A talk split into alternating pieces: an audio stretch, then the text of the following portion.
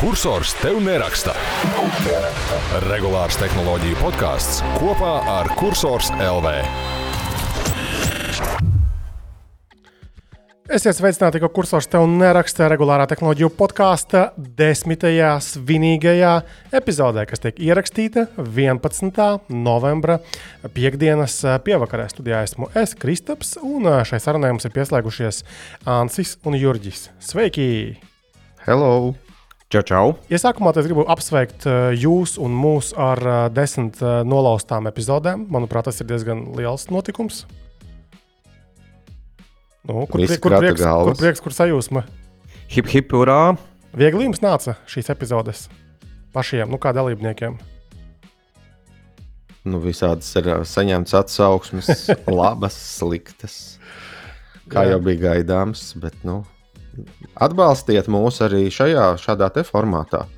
Mēs gribam zināt, ko jūs uzskatāt, ko, ko, kā jums šķiet.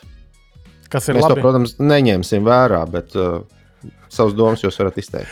Jā, bet, bet ja nopietni runājam, tad uh, kursors.CLV slīpsvītra podkāsts. Tātad tur ne tikai var noklausīties uh, jaunākās podkāstu epizodes, nu, un arī vecākās podkāstu epizodes, bet uh, ir iespējams uzdot arī jautājumus.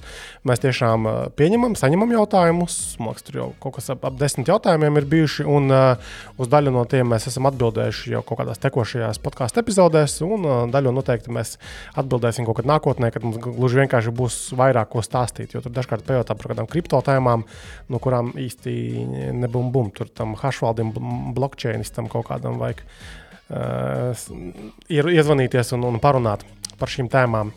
Uh, bet jā, es gribu uzreiz iesākt ar tādu labu ziņu, labu lietu. Tātad, uh, nu, desmit epizodes mums, un mēs gribam uh, izdarīt labu darbiņu, labu aktivitāti. Tātad, uh, mums ir no, no, no testu ierīcēm kā apstrādātas un, un, un, un, un principā brīvi pieejamas divas.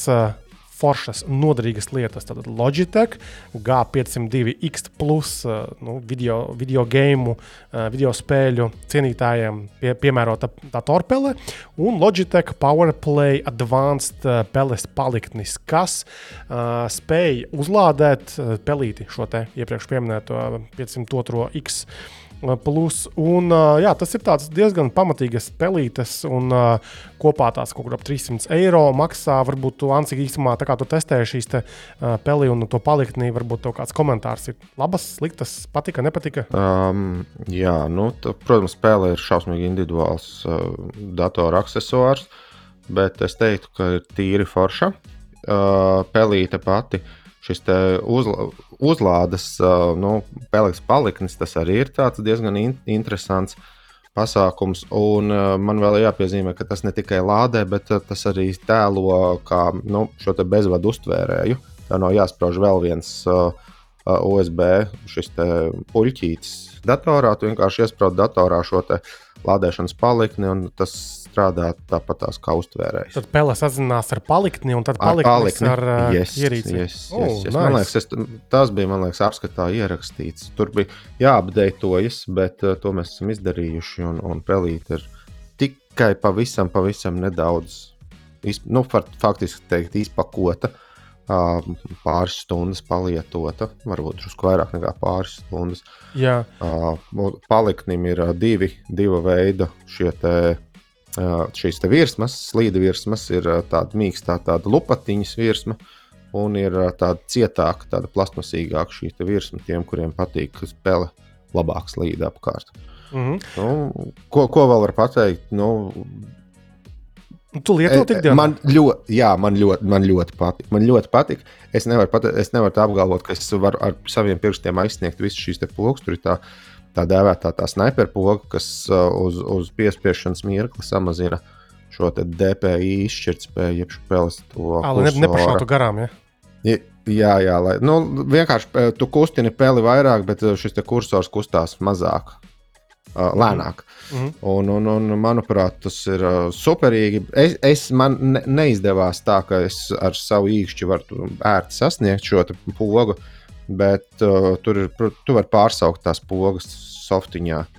Uh, šajā G-hubā, Log- Logitech G-hubā, tu vari pārsaukt tās pogas, kā tu vien gribi. Un, Manuprāt, tā pele ir ļoti, ļoti, ļoti augstvērtīga. Okay, it, īpaši, it īpaši kopā ar šo palikni, lādēšanas palikni. Jā. Tātad, un plaš, plašāks apskats kursorām jau ir bijis salīdzinoši nesen, tā kā droši varat arī apskatīties un palasīties. Bet, nu labi, tad kas ir tā labā lieta? Tātad šoreiz mēs gribam izdarīt šādu aktivitāti saistībā ar ziedošanu. Tātad mēs tagad tātad, līdz nākamās epizodes, tātad līdz 11. epizodes iznākšanas momentam, tātad kursors LV.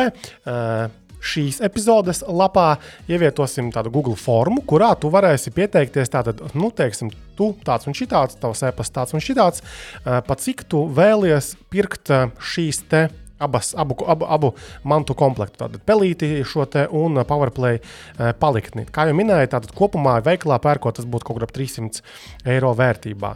Un tad, nedēļas beigās, pie nākamās epizodes, mēs pārdosim šos, šīs produktus cilvēkam, kas solīs lielāko summu ja, nebū, ja neviens ne, nepasolīs vairāk par 50 eiro, piemēram, nu, tad 50 atdosim.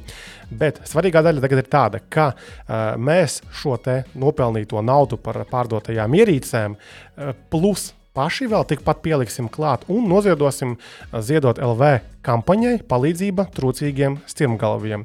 Jo, manuprāt, nu, mēs atkal esam tajā gada laikā, kad mēs aizdomājamies par, par dzīvi, Eh, par, par, par labajiem darbiem, kas vēl būtu jāpaveic šī gada nogalē. Un, protams, ka nu, večukiem nu, grūtāka laika tagad arī īpaši ņemot vērā ekonomiskos apstākļus, kad viss paliek tikai dārgāks. Un, ja ar šādu aktivitāti gan mēs, gan, gan jūs, darbie klausītāji un lasītāji, varat tomēr kaut kā nākt talkā un palīdzēt, nu, kāpēc neizdarīt labu darbu? Ja? Tad nosvinēsim tiešām, vismaz es, man liekas, jūtos priecīgs, kad, kad varam šajā desmitajā epizodē par godu izdarīt kopā šādu labu darbu darbu. Tā kā jā, visa informācija būs kursorā, attiecīgi epizodē, un aicinu iesaistīties un uh, izdarām tiešām labu, labu darbiņu. Ķeramies klāt tagad tehnoloģiju ziņām. Uh, šīs nedēļas tāds visvaiprātīgi lasītākais raksts bija Ansita Vējais raksts, kurā tu uh, rakstīji, ka Eiropā grasās aizliegt visus 8K un pat dažus uh, 4K izšķirtspējas televizorus. Kas īsti tur notiek? Vai tiešām aizliegs, ko aizliegs, kas aizliegs un, un kas, kas tur par cepienu notiek? Jā, ziņa ir uh, izskanējusi, bet ziņa ir tāda stipri nekonkrēta. Es vēl arī pirms, pirms raidījuma pārskatīju vairākus citus avotus. Uh, iz, jā, nu, fakts varbūt nu, nesauksim to par faktu šobrīd, bet uh, Eiropa grasās. Tā, tāda ir tā ideja.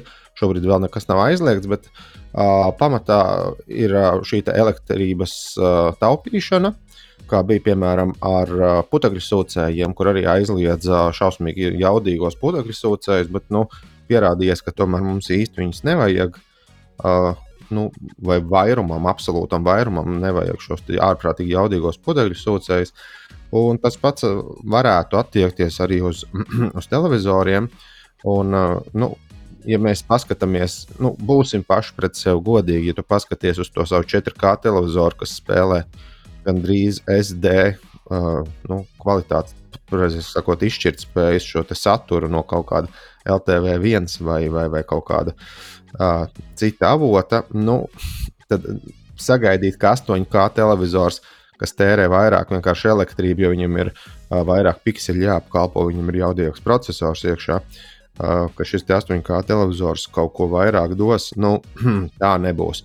Tāpat tās arī visādos Netflixos un YouTube mēs nevaram īsti atrast šo 8K saturu. Nu, līdz ar to televizors ir. Nu, šī, televizors pats par sevi, protams, nav bezjēdzīgs. Ok, televizors pats par sevi ir bezjēdzīgs, bet šī izšķirtspēja, nu, tu sēžot trīs metru attālumā uz aci, nu, neizšķirsi. Uh, vai tas ir 4K vai tas ir 8K televizors kaut kādās 55, varbūt 65 colās. Kas ar tiem 4K ierobežojumiem? Tā kā tur daļu arī kaut kādus grib aizliegt. Tas tieši no enerģijas patēriņa raudzīsies. Arī no enerģijas patēriņa viedokļa viņi tur mēra, cik es nopratu, viņi mēra tieši HDR režīmā. Tas ir mm. tas spilgtākais, kad ir ļoti spilgts baltās vietas un ļoti tumšas melnās vietas, bet nu, viņi tur laikam mēra kaut kādus šīs baltās vietas vai gaišās vietas un to uh, enerģijas patēriņu, bet uh, nav nekas uh, sīkāk par tehniskajiem, par tehniskajām niansēm, cik tur kandeli uz kvadrātmetru un, un kā tas tiek pretstatīts kaut kādam elektrības patēriņam. To es neatradu. Tad jāgaida pagaidām, ja? bet, bet cilvēki sašūmējās. Nu, es saku, ārprātīgi lasīta ziņa. Labi, ne, ne, netur, protams, tā ziņā, apmeklējuma ziņā, kad bija par depo sadzīves priekšmetu, teiksim, veikalā online versiju. Tas, man liekas, ir vispār visa kursora vēsturē pastāvēšanas vislasītākais raksts, tāpēc, ka depo online, wow, visiem gribās. Bet, nu, labi, jebkurā gadījumā mēs sekosim līdzi e, attīstībai un uh, informēsim, kad būs kaut kāda konkrētība. Jo galu galā, ja, ja to lemj kaut kur Eiropas pusē, tad tas ir lēni nāk. Mēs taču jau, jau cik gadus runājam par, par USB Type-C pārējām, par to, ka beidzot arī Apple būs tas, tas nezinu, dažiem gadiem. Bet nu, gan jau, ka doma laba kā tāda ar 4K pilnībā pietiek mūsdienās. Ne konsoles īpaši vairāk velk, ne arī satura vispār. Ir. Tieši tā, un, un arī uh, datoru video kartes. Uh, ja tu gribi kaut kādas spēlītas dzenāt, tad pat mūsu, mūsu šīs jaunās 4000 vai kā to varētu nosaukt sērijas, nu, vidīs, video, video kartes, tās pat īsti nav paredzētas 8K. Uh, jaunās AMD Radeon, jā, tām tur ir iekšā display portu 2.1 kas ir paredzēts 8K ar, uf, tagad es negribu sajaukt, bet tas ir uh, vismaz virs, man liekas, 8K ar 120 kadriem sekundē, bet es negribu sameloties. Bet uh, jaunās, spēcīgās elektrība rijošās Nvidias video kartes ir vairāk uz DLSS saviem šitiem trikiem. Optimizācija. Un, jā, uh, va, tā tad uh, vairāk uz 4K ar DLSS nekā uz 8K izšķirtspēju. Mm. Tas, tas arī tirgus nu, konsolēs tas vispār nepastāv. Faktiski tā ir jāsaka. Un uh, galdatoros tas teorētiski pastāv, bet tikai ļoti atsevišķos izņēmumos. Varbūt nedaudz no citas operas, bet uh, es parasti par izšķirtspēju aizdomājos, testējot uh, Sony Xperia telefonus, jo, jo tie ir vienīgie, kam ir uh, 4K uh, uh, izšķirtspēju telefonā ielikt, un neviens to nav pārspējis. Tu domā, displejā? Jā, A, tiešām jā. vienam citam nav. Mm -hmm. Yep. Tā tad nevajag. Tā. Apple teiktu, ka nevajag. bet, bet tur, jau ir, tur jau ir tā lieta, nu, tu, tu vienā brīdī īsti jau, jau to, to atšķirību neredzi. Vai, vai, vai tev ir uz, uz kvadrāta colu 500 pikseli, vai, vai tev uz kvadrāta colu ir 300 pikseli. Nu, ar aci jau tā, tāpat īsti to tā kā. Nu, ne, nevar noteikt. Tā, ka, man liekas, tā ir no jā, diezgan lieka, lieka greznība. Ir, tev, Lādē, tev ir nojausma, ka izskatās drusku citādāk, bet ikdienā. Uh, pa caurlūkojot tur kaut kādas Instagrams, kur ir tāpat tās izšķirtspējas ierobežojums jau uh, šajā serveru pusē. Nu, tur, oh. A, kas tur bija par akumulātoru tam telefonam ar to 4K displeju? Tur uh, lielāks bija kā standartā. Cik viņš ilgi turēja? Varēja just, ka tas displejs izrīja. Uh, pirmkārt, tur ir tā, ka viņš uh, ieslēdz to pilno izšķirtspēju tikai atsevišķās aplikācijās, piemēram, ah. ga ga galerijā. Tad, ja tu at attiecīgu saturu skaties un tam līdzīgi ikdienā, jau viņš nu, tāpat izmanto stipri mazāk. Tas ir tāpat kā ar to atsvaidzes ātrumu, pareizi. Ja? Jep. Kaut kas uz to pusi, jā. jā kurš tas tā kā ir, tā kā nav, un reāli telefona un ierīces cenšas pēc iespējas nekurināt šos 120 Hz vai, vai, nu tur, vai 90 kā kurā gadījumā. Labi, ok, Jurģi, ja jau tu sāki runāt, tad um, kas tev notiek ar, ar, ar teātra pasaulē, ar tehnoloģijām?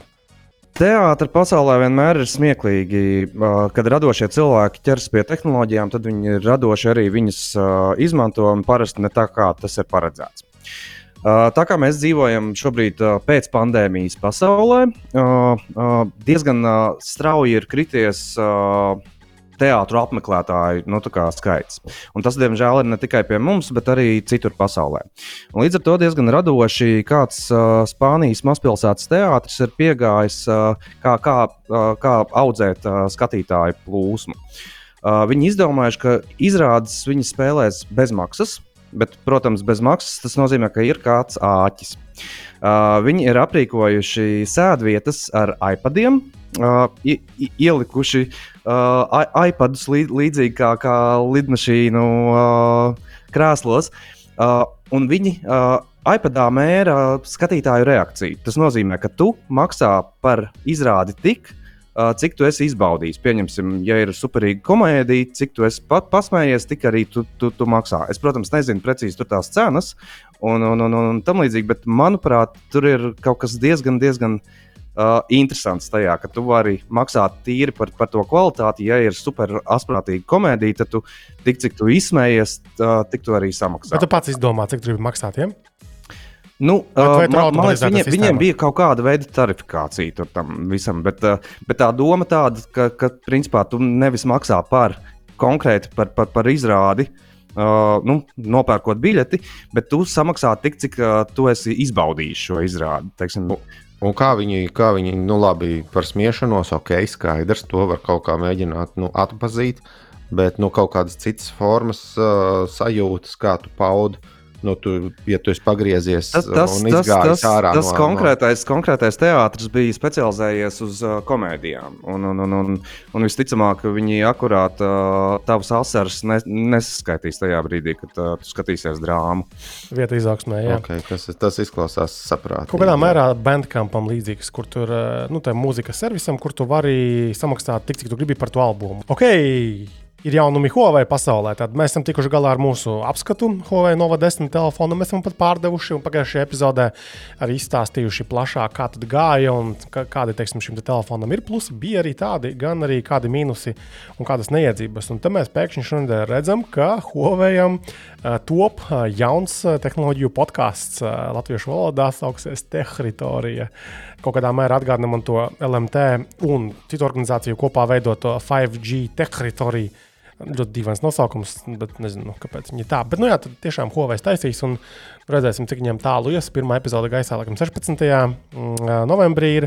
Paklausīsimies, ievērtēsim, kas, kas, kas notiek. Ah, un otra laba ziņa vēl ir tāda, ka uh, Lauris, jeb konsumers, ir uh, publicējis Mate, Hu- Huawei Mate 50 Pro. Uh, vietā viņa apskata, tas ir tas, tas super dārgais, super jaunais uh, kamerafons no Huawei. Un uh, pozitīvā ziņa ir tāda, ka, ka šajā apskatā beidzot Lauris godīgi arī pieskaras šim Google servisu jautājumam. Ieskaras tas būtu tiešām tā garām ejot. Nē, nē, normāli, normāli. Tur var piesieties par to, ka viņš aizmirsa vai negribēja pateikt, ka teiksim, bezkontakta maksājumus normālā veidā nevar nodrošināt, bet citādāk viss bija kārtībā. Bet ko, ko, ko obligāti gribas piezīmēt, nu, es skatījos to video, viņš ieguldījis pamatīgu darbu, uh, lai sataisītu tādu video uh, formātu priekš tām, tām mazajām auditorijām, kas mums Latvijā ir potenciāli pie, pieejamas. Tad viņam tiešām malcis. Baigi, baigi forši. Tā kā tā, veiksim arī podkāstā. Skatīsimies, kā viņam tur viss izdosies un, un veiksies. Ejam tālāk, uz aktuālajām lietām. Vēl no tādām aktuālajām lietām, kas, ko jau mēs pagājušajā reizē pieminējām, ir tas, ka LMT grupa ir iegādājusies elektronikas servisu grupu, tātad uzņēmumu grupu, kas strādā elektronisko ierīču servisa, jeb apkalpošanas jomā. Un uh, mums uh, radās iespēja sazināties ar uh, LMT pārstāvi, uh, konkrēti Tomasu Ržišķevu, uh, iekārtu remonta loģistikas daļas vadītājs uzņēmumā LMT Retail un Logistics. Un, uh, Tomas uh, ar prieku pastāstīs uh, īsumā, kas tad īsti notiek ar šiem remontu jomu, remontu biznesu, cik tur viegli dabūt tur tās servisa autorizācijas un ko gal galā mums, uh, gala lietotājiem, nozīmē šis te potenciālais um, LMT uh, jauno uzņēmumu iegādes darījums. Tā, nu, čau, Tomas. Milzīgs tev paldies, ka tu piekritīji piedalīties šajā īsajā sarunā ar mums. Čau. Um, iesākumā varbūt pastāstiet, tāda, cik um, tava pieredze ir, ir sena šajā uzņēmumā un vispār jomā, kā tādā, teiksim, iekārtu remontu jomā. Ir 11 gadi. Ja es sāku strādāt TSC no 18 gadiem, šobrīd man ir 35. Tā nu, diezgan tur sanāk. jau. Mm -hmm.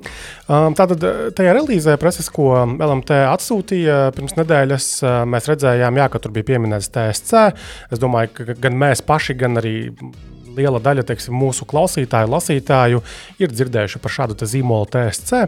Un tā kā tu ļoti sen strādā uh, šajā jomā un arī uzņēmumā, varbūt pastāsti mazliet kā, nu, tādu background informāciju, vēsturīti, kā tur viss notika, kas ar ko tur nodarbojās. Un nonākot līdz šim brīdim, uh, tātad uh, pagājušajā nedēļā tam, tam izziņotajam notikumam, ka LMT nopērk vēl dažus vairākus nu, uzņēmumus, kas tieši nodarbojas ar elektrotehnikas nu, servisu, jeb, jeb apkalpošanu. Kāds ir tas TSC stāsts un, un, un tā? Tad TSC ir ā, jau ilgadīgs uzņēmums no 2002. gada. ā, Strādā sākumā zīmols kā telekomunikācijas servisa centrs, kas apkalpo tikai praktiski tikai Nokia telefons. Kādreiz jā, arī tajos laikos, kad es sāku strādāt, nedaudz iegāja Samsungs un tad jau Siemens. Attiecīgi, mēs sveiks strādājām ar telefoniem, viņus remontējam, nodrošinām autorizētu remontu iekārtām.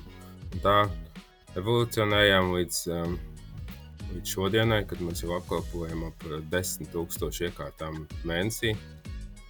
Tas, tas sākums varētu būt kaut kādi 500. Attiecīgi, šobrīd mēs esam gan no, uh, Latvijā, Lietuvā, gan uh, Igaunijā. Un, un uh, nodrošinām jau remontus ne tikai telefoniem, bet uh, esam paplašinājuši to, to savu spektru un labojam gan vied, viedierīces, pulksteņus, austiņas, tā skaitā arī datorus, skūterus, putekļsūcējus, robotus. Un tad kādā brīdī, jā, tad attiecīgi esam mums šķiet, ka mēs jau esam sasnieguši tādu ļoti augstu līmeni, gan kvalitātes ziņā, gan kapacitātes ziņā, kad uh, sākām domāt, ka paliek garlaicīgi un ka vēlamies šo, šo kategoriju skaitu, kurus mēs labojam, šīs iekārtas paplašināt. Tad sākām skatīties, kas, kas mums pietrūkst. Tad arī redzējām, ka ik pa brīdim klienti kaut kādas sūdzības ieraksta par mums, sūdzībās LV vai kaut kur citur, sociālajos tīklos. Un 90% no šīm sūdzībām parasti ir bijušas par iekārtām, kuras mēs paši nelabojam, bet pie mums iesniedz, un mēs tālāk pārsūtām uz kādu partneru servisu. Kopumā tas tirgus ir diezgan globalizēts šobrīd, jo ražotājiem, ražotājs mūsu reģionu uzskata tādu par kopīgu reģionu. Visi mm. Baltiju to domājam? Jā, Baltija, Polija, pat un pat Somija pieliekot klāt. Un bieži vien ražotāji vēlas tikai autorizēt vienu servisu šajā reģionā. Tātad tās autorizācijas Ja TSC šobrīd ir 26 autorizācijas, tad katru nākamo autorizāciju iegūt ir eh, aizvien grūtāk un grūtāk. Par autorizācijām mēs vēl pieskarsimies vienā brīdī, bet vēl drusku par to vēsturi. Tātad eh, TSC eh, zem LMT vienmēr ir bijis nu, kā, nu, saistīties uzņēmums vai meitas uzņēmums, vai kaut kādā brīdī tur nopirka jūs? Uh, nē, vienmēr tā nav bijis. Tas te vienmēr ir apkalpojis LMT iekārtas, kā arī pārējo operatoru iekārtas un arī citu pārdevēju. Bet uh, sākumā mēs bijām Sijā Mosers, atsevišķs uzņēmums, mm, uh -huh. kuru iegādājās DT Mobile. Tas bija DT Mobile savukārt. Vēlāk tika pārdots LMT grupai, un caur LMT grupu arī attiecīgi telekomunikācijas servisa centrs nokļuva, nokļuva LMT kā LMT meitas uzņēmumu. Mm -hmm. Un, ar, un, un arī esot, teiksim, LMT ietvaros, jūs to tāpat turpinājāt apkalpot gan LMT klientus, gan arī citu operatoru, un ne tikai operatoru, gan jau arī. Jā, jā, mēs apkalpojam praktiski mēs sešiem telekomunikāciju uzņēmumiem Baltijā. Apkalpojam pilnīgi visas iekārtas, kuras viņi pārdod, kā arī visi citi operatoru klienti nāk pie mums un mēs viņus apkalpojam. Okay. Arī praktiski visi pārdevēji Baltijā ir mūsu klienti. Jā, labi. Un tad tā ziņa, kas bija tieši tajā pagājušajā nedēļā, ka tā tad. Uh, ka LMT grupa iegādājas elektronikas servisu grupu, kas tad ir četru, ja nemaldos, uzņēmumu kopums. Tāda elektronikas servis, tas ir Latvijas uzņēmums, labi zināmais daudziem servisnets Latvijas uzņēmums, tad ir uh, Igaunijas uzņēmumi Spēlēta un uh, arī servisnets Igaunijas pusē. Um, tātad šitie jaunie četri uzņēmumi nopirktie pievienosies kopā jūsu darbībā, pareizi? Jā, TSC. TSC. Uh, un, un vispār tas mērķis, kāpēc ir nopirkt šos vēl citus uzņēmumus? Uh, tas, tas galvenais mērķis ir uh, uzlabot šo ten, uh, uh, mūsu produktu grozu, lai mēs apkalpotu, vai, spētu apkalpot vairāk zīmolu, lai mums nebūtu jāizmanto tik daudz partneru servisi. Un kopumā mēs redzam to, ka globāli šajā mūsu reģionā, tajās piecās, sešās valstīs, uz kurām skatās ražotājs kā tādu vienu kopumu, tad ir jākļūst stiprākiem, lai, lai attiecīgi mūsu poļu kolēģi nepārņemtu lielāku to tirgus daļu šajā reģionā. Poļu gadījumā tas nozīmē, ko, ka, piemēram, teiksim, salūst tā telefons, un tad viņš tiktu sūtīts uz Poliju, tur viņš remontējas kaut kur, un kad gatavs atnāk atpakaļ pie mums. Jā, tieši tā. Tad jūsu gadījumā noticis ir līdz šim daudziem zīmoliem. À, ja? un, un, un tad, teiksim, šajā gadījumā tad viss lokāli Rīgā, Baltijā. Pamatā, jā. Pamatā jā, Rīgā, jā. Mērķis, jā. Uh -huh. Bet šobrīd lielāko daļu zīmolu, kuriem mums ir autorizācijas, mēs labojam Rīgā. Ok, labi, tagad par tām autorizācijām. Tātad, um, tātad la, es to saprotu tā, ka, lai kāds zīmols, tur telefonu vai datoru vai kādu citu gadgetu ļautu uh, remontēt nu, šīs ierīces, tad ir tā autorizācija jāiegūst. Ko tas Jā. praksē nozīmē? Kas ir jums kā uzņēmumam, jūsu darbiniekiem jāizdara, lai jūs varētu drīkstētu vispār ķerties klāt ierīču remontam? Pirmais uh, ir vispār jāpierunā ražotājs. Viņš vispār izskata šādu opciju. Ražotāji, kā jau teicu, kad uh, viņi primāri vēlas kaut kādā noteiktā reģionā tikai vienu, maksimums divus servisus. Viņi nevēlas supportēt, atbalstīt. Kā, nu, lai mazāk čakara viņiem pašiem ir. Apmācības, vēl visādas lietas.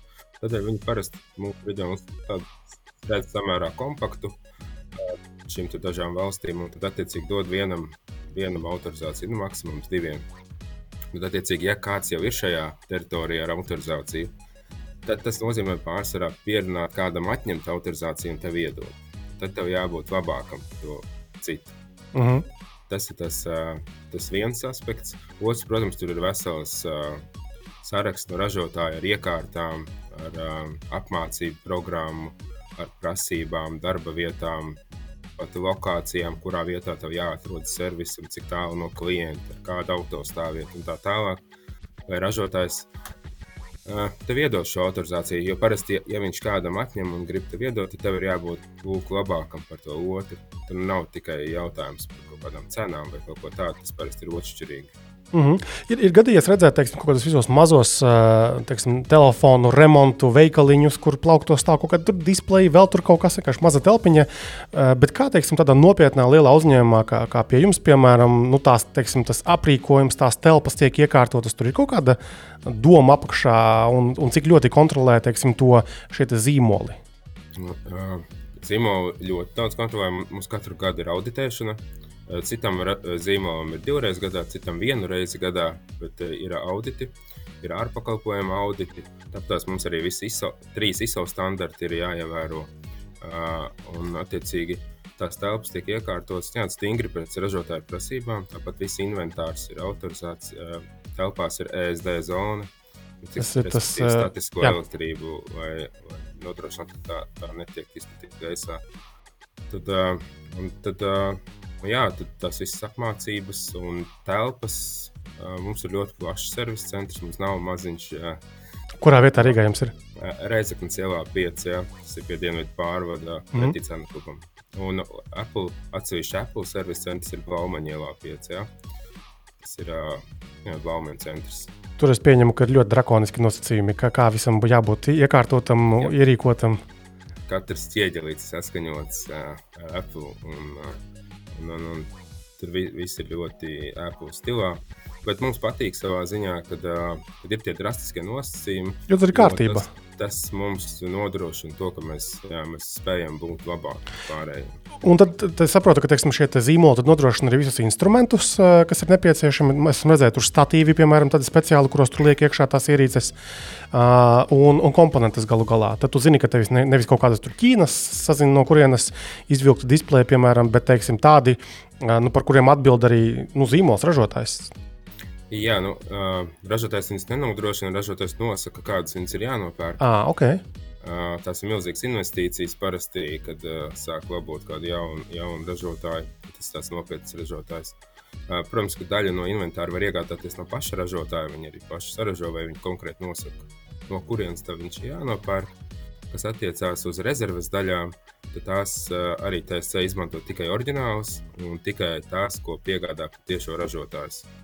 Mm. Attiecīgi, visas rezerves daļas tiek pasūtītas jā, no ražotāja. Un, jā, un tā kā tu minēji, tas startā to vajag nopirkt diezgan daudz, nu, stokā, lai būtu, lai nav jā, tā, ka jā. to jāgaida, tur nezinu, kad atsūtīsies. Labi. Ražotāji redz to tirzniecību īstenībā tajā reģionā. Viņi parasti iedod algoritmu kaut kādu, pēc kura mm. jāvadās, lai tu varētu to stoku sev pasūtīt to minimumu. Parasti uh, prasa turēt uz trīs mēnešiem to stoku. Tāpēc savā ziņā mēs bijām arī tie, kas, kad sākās Covid pandēmijas laikā detaļu krīze. trūka rezerves daļas. Mums pietika tiem kaut kādiem 3, 4 mēnešiem. Šis rezerves klients to neizjūta. Vēlāk, gan tomēr arī nu, tās sākums trūka. Labi, tā kā tas industrijā ļoti sen, kā tu redzi, kā mainās teiksim, šo te, nu, mobilo ierīču, telefonu, vietālu planšetdatoru, datoru labojamība? Tas paliek vienkāršāk, sarežģītāk, dārgāk, vai ierīces pašas ir trauslākas vai izturīgākas. Kas ir tās lielās tendences, ko tu redzi teiksim, pēdējos desmit gados vai astoņos? Tas uh, galvenais, ko mēs novērojam arī procentuāli par to par pārdoto iekārtu skaitu, to cik nonāk servisā, iekārtas paliek izturīgākas. Tomēr. Tas tiešām mazāk uh, displeja, nu, stipri izturīgāk kā bija kādreiz. Protams, nesalīdzinot ar tiem, kuriem bija priekšā plasmasas stikls, uh, bet tad, kad uh, attiecīgi varēja jau sas, sasistēt, tad uh, viņi ļoti, ļoti mainījuši to kvalitāti. Tas, kas attiecās uz remontēšanu, protams, ka remonts ir palicis sarežģītāk ja tagad vairs grūti iedomāties kādu telefonu, kur paņem skrūvgriezni un vienkārši atskrūvē vaļā. Un, uh, ir salīmēti, tur saprasēti jā. kaut kādos gadījumos. Viss, viss ir salīmēts, visam jāizmanto daudz vienreizēju rezerves daļu. Kas, starp citu, ir neautorizētiem servisiem parasti ļoti liels mīnus. Viņiem tās vienreiz maināmās rezerves daļas ir grūti dabūnamas. Ja to displeju vēl kaut kā viņi pasūta no tās Ķīnas, tad tās visas uzlīmītas mazās uh, mikrofoni un tādas lietas uh, parasti savādāk. Un, uh, Tad mēs redzam, parasti tās rapusējos skoču salīmētos telefonus, kas nesmaz atkārtot remontā. Tu, tu pieminēji mikrofonus. Es, pieņemu, ka agrāk teiksim, tiem telefoniem ir īpaši varēja pa atsevišķām mazām komponentēm, tur nezinu, atlodēt, pamēģināt un nomainīt. Tagad tas joprojām ir iespējams, vai tomēr pa kaut kādiem lieliem moduļiem maini, vai vispār pat kaut kādu bojājumu gadījumā vienkārši maina visu ierīci. Bet tā kā lodēšana kā tāda praktiski vairs nenotiek servisa centrā. Uh -huh. Vai arī mums ir uh, lodēšanas stacija, kur mēs esam savulaik par 100 tūkstošiem eiro iegādājušies. Šobrīd uh, mēs viņu praktiski neizmantojam. Uh, tiek mainīti moduļi, uh, bet uh, tā pašā laikā, piemēram, Apple, ja kādreiz uh, sākumā Apple varēja tikai oficiālā servisā, varēja tikai aizvietot ar citu nebija pieļaujams nekāds remonts. Tad uh, pamazām sākās ar bateriju maiņu, tad atļāva displejus mainīt, tad kameras pievienojās, un jau jaunajiem 14. var nomainīt arī atsevišķu aizmugures stiklu oficiāli autorizētā servisa centrā. Mm -hmm. Tā kā Uh, ir ražotāji, kuri tomēr nāk uz to, ka nedaudz nu, vairāk jau sāk ļaut remontēt. Savukārt, protams, ka es domāju, ka neatgriezīsies vairs uh, servisa centros uh, lodēšana vai komponentu līmeņa remonts. Uh, jo tas ir pārāk dārgi un ilgi. Vēl jau arī, teiksim, teiksim, paraugoties uz tiem pašiem portīviem datoriem, īpaši Apple portīviem datoriem, kur viss ir sabūvēts vienā šajā čipā, M1, M2. Ja agrāk, teiksim, procesoru tu izņēmi laukā, nomainīji kaut ko citu, vai operatīvo atmiņu, kas visdrīzāk gāja no ierindas laukā, tad tagad skuju viss tev ir uh, vienā tajā, tajā modulī iekšā, tajā čipsetā. Tā ir, bet nu, tas, es domāju, ka tas, tas ir uz palikšanu. Tas nav Bet vēl konkrēti runājot teiksim, par to pašu Apple, tur taču uh, Apple uh, kaut kā treko vai tiek izmantotas oriģinālās teiksim, detaļas. Un, man liekas, ka tur settingos, iestatījumos tur pat var redzēt, ka ir nomainīts tur šāds un tāds modelis. Jo tas, domāju, labi, no vienas puses saistīts ar Apple vēlmi hm, pelnīt, uh, un viņi gan skaidro, ka arī ar drošības aspektiem, jo displejs tomēr ir tiešā mērā uh, saistīts ar drošību. Nu, tieši tā, un, un arī tomēr uh, klientam arī ir tiesības zināt to, ka uh, viņam ir tomēr uzstādīts neordināls akumulators vai neordināls displejs. Jo uh, daudzi servisi jau tomēr saka, ka viņi izmanto oriģinālas detaļas. Pārbaudīt, jo nezinātais to nevar. Realitātē jau tas nav.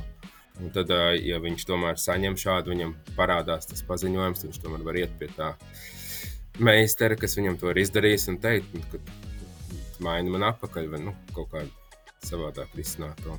Mm -hmm. Bet, uh, nu, mēs bieži saskaramies ar klientiem, kas ir uh, samainījuši akumulatorus, piemēram, neordinālos servisos, tad viņiem ir uzpūties tas telefons un tam līdzīgi. Un viņš drīzāk ir sabojājis vēl kaut kādus elementus klāt. Parasti, jā. Ok, ah, labi. Nu, tad, noslēdzot šo īso sarunu, tad uh, kopumā jā, jāsagaida, laikam, kad uh, šie regulātori ļaus pabeigt nu, šim, šo darījumu līdz galam. Un, tad, kad tas notiks, tad principā tad, nu, jums būs vēl vairāk autorizāciju, vēl vairāk iespēju remontot vēl dažādas ierīces. Un ieguvēji būs atkal ne tikai LMT klienti, bet principā Protams, jūs ar operatoriem vai arī veikaliem kaut kādiem sadarbojaties? Ar visiem pārdevējiem arī neatkarīgi no tā. Jā. Tas Tātad- ir operators vai vienkārši pārdevējs. Ir visi, praktiski visi Tā, pārdevēji, kurus var iedomāties, sūta mums iekārtas uz remontu. Tātad ātrāki remonti un uh, galu galā nodokļos uh, teiksim, pildināsim Latvijas budžetu, nevis Arī Polijas. eksporta. Ah, un arī eksporta audzēsim. Jā. Ok, uh, labi. Tad milzīgs tev paldies, um, Tomas, par, nu, par to, ka tu padalījies, kā tas viss reāli darbojas un, un kāda tad jēga un iegūms no šī darījuma mums, gan klausītājiem, gan, gan mums arī visiem pašiem, un lai tev veiksmīgi tālāk darbi, darbi. Jā. Ā, tā. Paldies jums! Jā, nu labi, paldies vēlreiz tad, uh, Tomasam par, uh, par, par šo, te, manuprāt, interesantu sarunu. Un uh, tagad, vismaz, kad uh, pienāks laiks remontēt kaut kādas mūsu ierāces, ierīces, mēs, mēs zināsim, ka viņas tepatās kaut kur uh, remontējas, nevis sūtās uz Poliju vai vēl sazinu, kurieni. Un galu galā tad, jā, nodokļi maksājas Latvijai, un mēs vēl arī audzējam eksportu. Tālāk, vēl no tādām aktuālajām, interesantām lietām, tas arī, ko mēs pieminējām, ir Latvijā radīta jauna uh, mobilā lietotne, tāds servis, saucās Vūmlī. Ar vēburtu. Tātad, ā, tas ir tāds koplietošanas servisu ā, apkopotājs, jeb agregators. Ā, Gan, gan mājaslapā viņi tagad ir izlaiduši Android lietotni, un tātad šajā Android lietotnē nu, pagaidām mēs varam apskatīties kartē, kur mums apkārt ir kādi no šiem te koplietošanas uh, nu, braucamrīkiem. Tur Bolt, Kārguru, CTB, Fixie, Nextbike, OX Drive, Raid un Skok uh, transporta līdzekļi. Un tad skatāmies, kas mums tur tuvāk ir, uh, un varam ātri izvēlēties un pārslēgties uz to lietotni, uh, kurā tad mēs gribam šo te darīt uh, braucienu. Un uh, vismaz nav jāklikšķina cauri entajām lietotnēm, vai, vai nu, teiksim tā. Kas vēl laba lieta ir tāda, ka tātad viņi tagad sāk, tas ir tāds startups, jauns uzņēmums, un viņi meklē fanus, nu, kas, kas grib patestēt arī viņus un uh, palīdzēt viņiem uzlabot, izveidot labāku šo lietotni un pakalpojumu, un uh, dos uh, biļetītes uh, uz, uz kino, ja tu pa palīdzēsi pieteiksies tāda tiešsaistes anketā. Visa tā informācija gan ir Vumlī mājaslapā, gan arī pat arī kursors salē mums bija raksts, kurā tas viss ir parādīts un pastāstīts. Tā kā tā, tur diezgan daudz dāvanu kartes ir pieejamas, tu vari paspēt pieteikties un uh, palīdzēt, teiksim, izveidot labāku šo risinājumu. Man jau liekas, ka diezgan, diezgan forša ideja. Uh, vēl tad, ja mēs runājam par tādām aktuālām lietām, tad uz grunti ir aizgājusi viena no pasaulē nu, liekas, top 3 lielākajām kriptovalūtu biržām. Konkrēti FTX nosaukums, man liekas, bija viņai korektais. Jā, tieši tā. Un savulaik viņa bija novērtēta kā 32 miljardu ASV dolāru liels bizness, bet nu, Šajā gadījumā viss aizgājis uz nulli. Mm, Kā jau matemātikā bieži vien tas viss tiecas uz nulli. Uh, un, uh, jā, tad, tā, tā bija trešā lielākā pēc, pēc trading volume, jeb, jeb apjoma. Un, uh, kaut ko tur bija rīktīgi nopūdelējuši, nokļūdījušies ar kaut kādām lietām, vai arī vienkārši diletantisms absolūtākais. Un, un, un interesanti arī vērot, ka, teiksim, ejot uz grunti šai te biržai, šajās te dienās arī rīktīgi kritās nu, teiksim, šo te da, daudz un dažādu kripto sīpoliņu vērtība. Tā kā kripto um, kidijiem ir bēdu dienas. Bet nu, noteikti būs kaut kādi eh, spēlētāji, spekulanti un, un cilvēki, kas, kas domās, ka vot tagad ir īstais laiks pirkt, un, un tur būsim zaļa zana, un bitkoins maksās eh, 100 tūkstošus eiro vai miljonu eiro, un tad viņi mums visiem parādīs. Ja? Ansi, tu esi nopircis bitkoinu kādu, tagad, kad super lēts. Um, man testa režīmā tika atsūtīts uh, nevis bitkoins, ka, kaut kas cits, viena dolāra vērtībā. Kur atsūtīts? Pa pastu atsūtīts. Uh, nē, nē, nē, nē, nē Coinbase maciņā. Jā, Coin- Coinbase vēl ir dzīves vismaz. Es nezinu. Es to tā nevaru. Es, es varu tikai par to, kas notiek manā galā pateikt. Jā. Man bija viena dolāra vērts uh, Ethereum vai ka- kaut kas uz to pusi. Es nezinu. Vareni. Tas, principā, tas ir tā kā tava tātad, pensijas gadu tā saucamā zelta ola. Nē, tas atbilst aptuveni tam, kas, kas notiek ar pensiju. Tas ir tāds indikators, uh, jo arī tur ir stipri samats. Tas vairs nav viens dolārs, vienmēr sakot. Tas vairs sen nav viens dolārs. Tas ir nezinu, tur kaut kādi 80, 90 centi vai kaut kas tāds. Nu, tas ir tas, kas notiks ar mūsu visu pensijām, bet nu, mūs, es domāju, ka būs sliktāk. Bet ko nu par skumju? Parunāsim par Zoom. Zoomam bija pasākums, eh, konference Zoom Topija eh, šajā nedēļā, un tad viņi diezgan interesantas lietas patiesībā parādīja un pastāstīja. Tātad Jau iepriekš bija baumots, ka Zoom plāno būt par kaut ko vairāk nekā tikai uh, video sazvanu, video konferenču rīku. Viņi tiešām piedāvās e-pasta servisu, kalendāra servisu. Uh, principā tā kā principā tiešā veidā konkurēs ar, ar, ar Google šo produktivitātes uh, programmatūru un Microsoft uh, Office, kuram tur nosaukums nesen mainījās. Tagad ir Office 365 vai kaut kas cits tur atkal ir. Nu, bet nu, domu jūs sapratāt. Nu, lūk, tad, uh, tagad uh, tas viss būs un uh, 96 centi tev ir. Ja? Vareni, oligarks principā. Uh, Tātad eh, atpakaļ pie Zoom. Tātad, eh, jā, tad, eh, būs šī te, nu, kalendāri e-pasti. Kaut kad mākslinieks nākamajā gadā viņi izlaidīs. Tas, tas ir viens tāds jaunums. Un, kas ir interesanti, viņi paziņoja arī par sadarbību ar Teslu. Tātad Teslas automobīļos mēs, nu, ne mēs, bet tie, kam ir Tesla automobīļi un kam būs Tesla automobīļi, varēs tajā, tajā vidus konsoles displejā nodrošināt nu, Zoom sazvanus. Un beidzot, tas nozīmē, ka Tesla ir atļāvusi citām lietotnēm piekļūt tai kamerai, kas ir zem atpakaļskata spoguļa pievienota. Ja? Jo pašā startā viņa ne, ne, netika gandrīz nekām izmantota, tad Tesla izmantot sāka šo kameru, lai pārbaudītu, vai, vai autopilota režīmā cilvēks vispār ir pie stūres. Ja? Tad, kad sākās visādi šie idiotu izgājieni, kad viņi pārrāpjas uz aizmugurējo beņķi, piemēram, un, un, un tad pēdiņās autopilots uh, kaut ko mēģina braukt. Tagad beidzot šī kamera ir padota tālāk Zoomam, lai varētu nodrošināt šo saziņu. Man liekas, diezgan normāla patiesībā ideja. Ja tev tas, tas displejs ir tāds, kas spēj gan kartes parādīt, gan tīmekļa pārlūku, gan purkšķu lietotnes kaut kādas, tad kāpēc tas nevarētu būt Zooms? Uh, jo galu galā mūsdienu skumjā dzīve ir tāda, ka tev darbs ir visur, kur tu esi. Uh, telefonos, uh, tagad arī mašīnās un tā tālāk. Un tā joprojām. Vēl viena svarīga liekas, ziņa ir par Teslām, kas bija šonadēļ kā, izziņota, ka Tesla tagad. Um, ļaus atkal pie supercharger lādētājiem slēgt klāt un izmantot saremontētas Teslas. Tur bija tāds stāsts, tāds, ka, ja Tesla ir nošķilta nu, tā, ka tu atzīmē kā, mm, nu, kā, kā, kā bojā gājušu, vai vismaz pamatīgi sadauzītu, tad uh, nedrīkstēja izmantot superchargerus. Nu, patiesībā pieslēdzot, vienkārši viņš neautorizējās un, un uzlāde nenotika. Un Tesla to toreiz skaidrojumu pamatoja, ka tas ir bīstami. Tomēr to baterijas tur ir augstspriegums un, un avārijas gadījumā nu, jābūt baigi drošam, ka kā, tu kaut kas tur neauzies gaisā un neaizdegsies galu galā.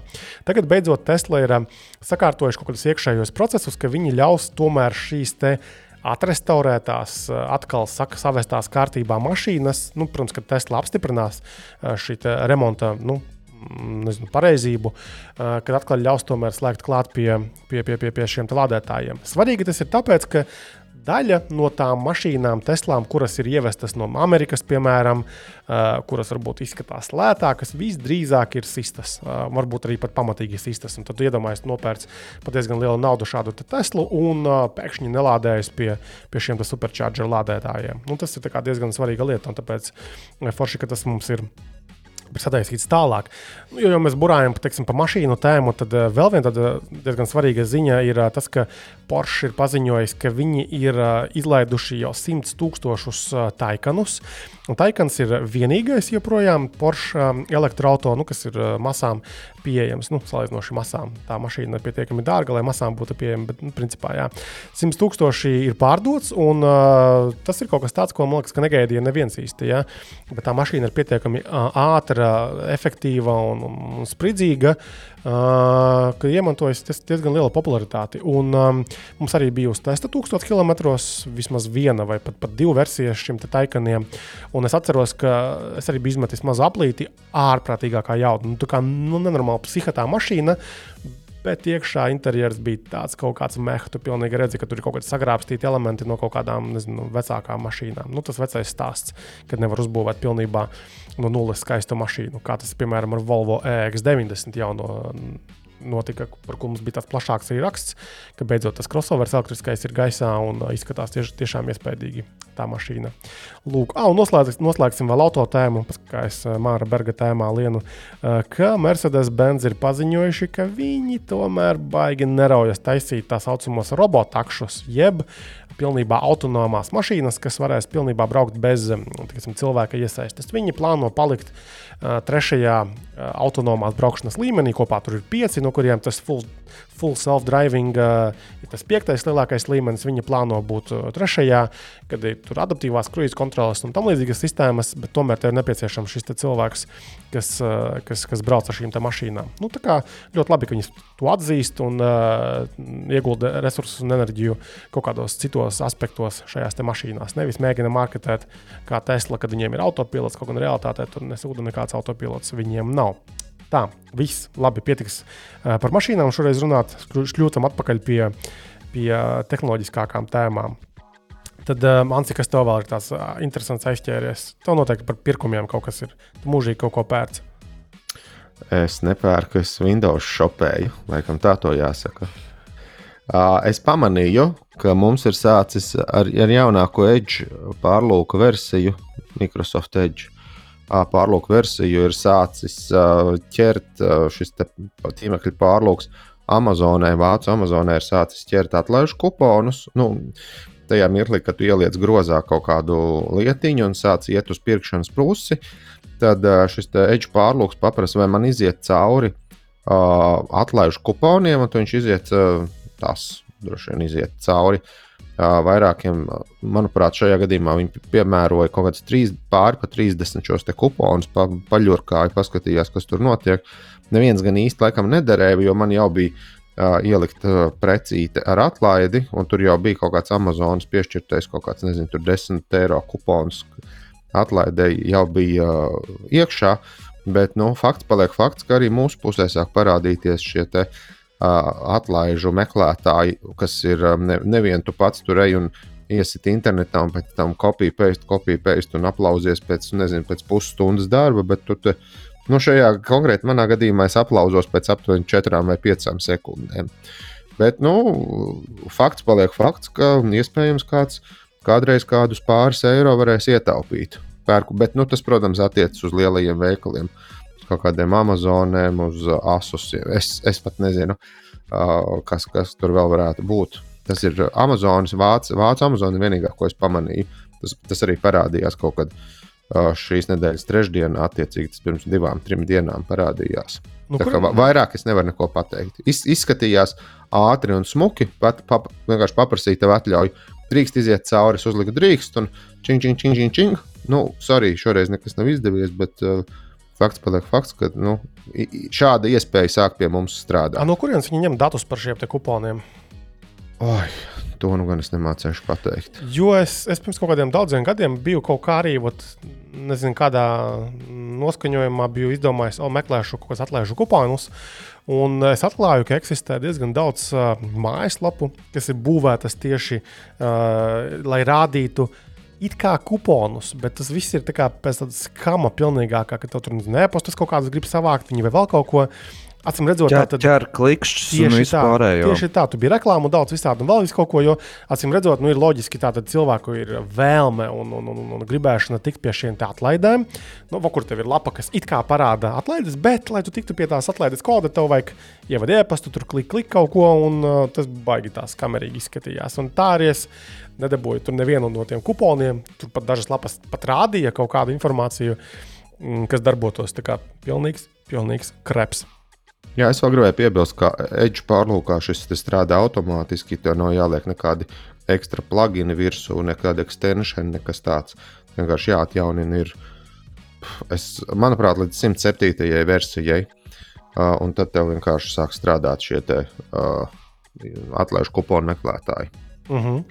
Vēl no tādām šīs nedēļas tādām aktuālajām lielajām ziņām bija tāda, ka daudzi atlaiž darbiniekus. Protams, nu, tur prātā nāk uzreiz Ilons Maskas dulais ar ar Twitteri, kur viņš principā ir atlaidis pusi no darbiniekiem. Tātad, kad viņš nāca pie varas pirms divām nedēļām, tad uh, Twitterim toreiz bija kaut kādi 7,5 tūkstoši darbinieku, un principā jā, puse ir uh, palaista, ejiet, steigājiet, un tad vēl kaut kāda daļa ar cilvēkiem vienkārši ir uh, pateikuši, jā, ka fuck, viss šis negribu, un paši ir uh, nu, devušies prom no darba. Uh, un uh, vēl no tādiem lielajiem uh, ziņām bija, ka Facebook, jeb Meta, ir arī atlaidusi 11,000 darbinieku, kas ir daudz, tas ir kaut kādi 13% no viņa kopējā darbinieku skaita.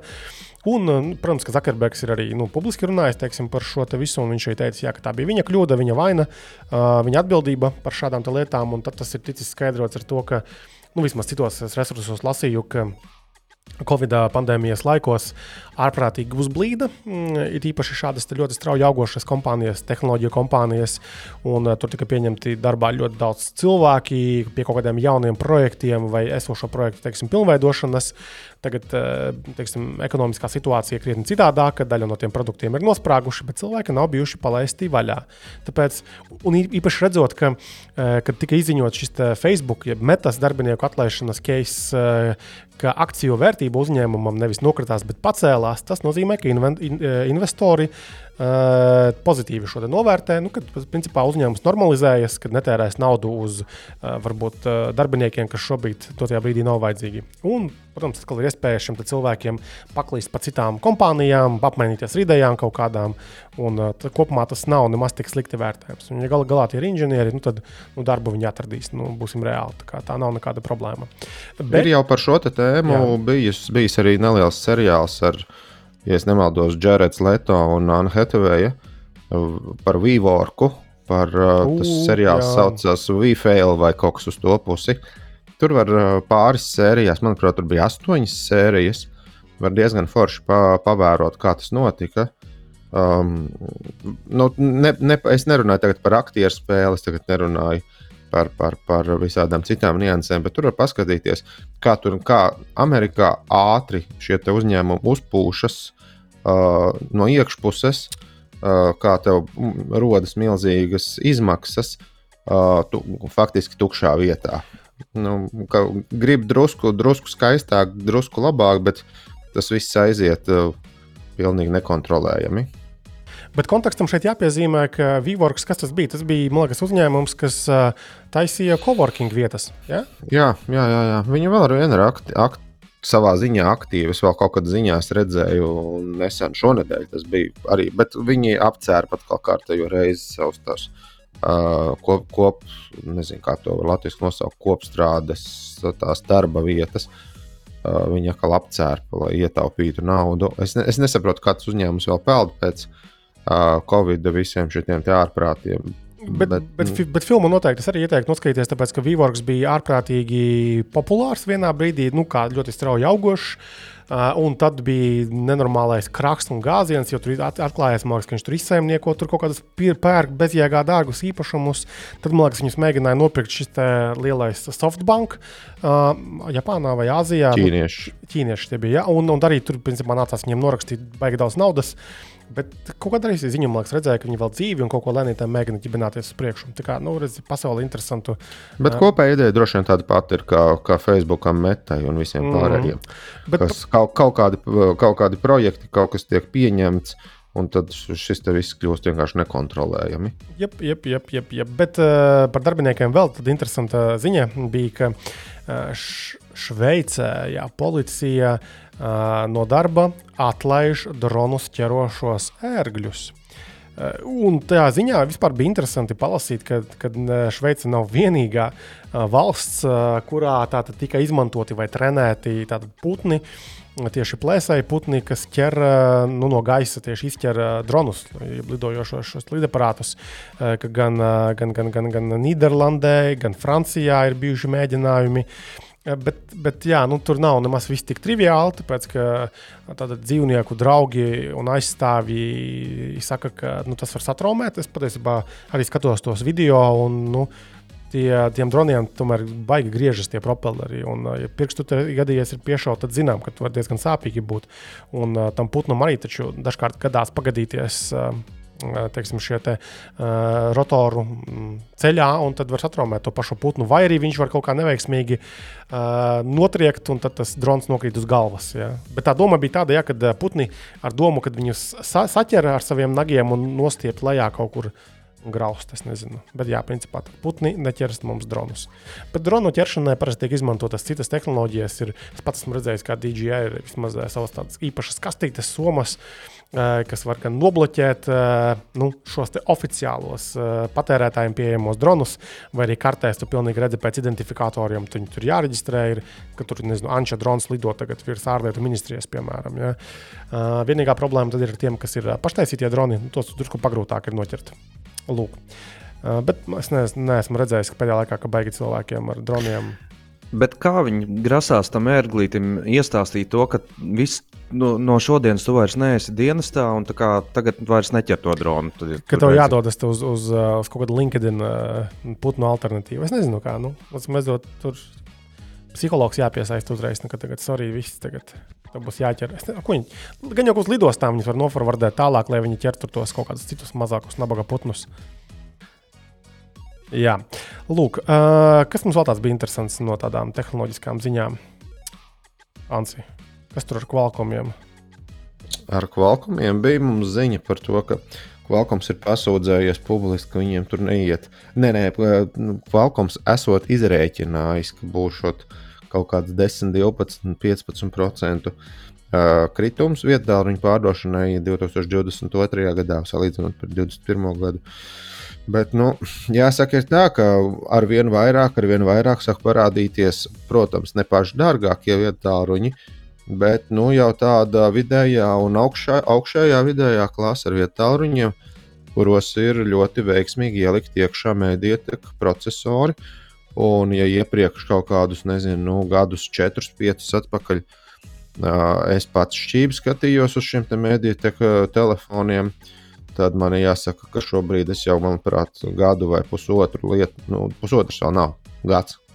Gadu es lietoju Xiaomi telefonu, ar mēdieteku procesoru, kas ir, manuprāt, cenā bija jūtama zem 500 eiro.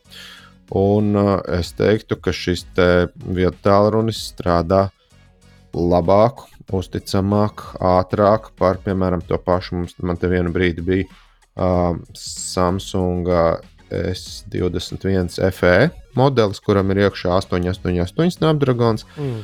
Un šis 888 Snapdragons, ok, viņš nav pats svaigākais.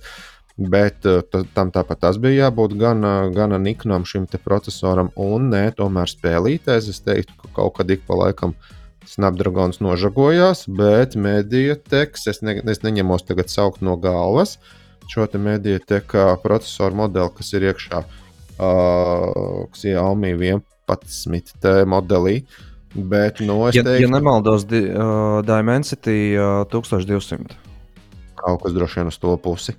Bet, uh, bet, bet, bet es teiktu, ka šis te medītek processors uzvedas uh, tieši jaudīgās, prasīgās lietās, uzvedas labāk. Man grūti ir salīdzināt par, par akumulātoru tēriņiem, jo šim Xiaomi tomēr ir būtiski lielāks akumulators. Um, bet es teiktu, ka līdzīgi uzvedas, vai varbūt pat bišķi biš mazāk tērē enerģiju nekā šis te Snapdragon 888. Jurgi, tu tur esi testējis visādus midrangerus lielā kuplā strēķī. Uh, Medijā teki tev ir bijuši? Uh, Mediju teki man ir bijuši tikai uh, nu, pats pats uh, zemais gals uh, budžeta klasē, bet uh, nu, tur viņi ir tādi, tādi stipri čābīgi, bet budžeta klasē stipri čābīgs ir arī Qualcomm. Tā ka mm. nu, mhm. tur būtiska atšķirība nav. Uh, tas, ko es gribēju pieminēt, uh, ir tas, ka teiksim, uh, Qualcomm flagmaņu čipkopām tā lielākā problēma ir ar karšanu. Mēs būtībā esam nonākuši tā, tajā punktā, kur uh, Uh, kur nav nepieciešams vairāk audzēt kaut kādu procesoru uh, veiktspēju jaudas ziņā, bet uh, ir nepieciešams izrāviens tīri uh, dzēsēšanas tehnoloģijām un tam līdzīgi. Jo, protams, ja tu gribi atstāt uh, vietā, lai viņš ir plāns, elegants un smuks, uh, tev, tev tur nav, nav īsti vieta fēniņam vai, vai, vai, vai, vai, vai, vai kādiem citiem risinājumiem.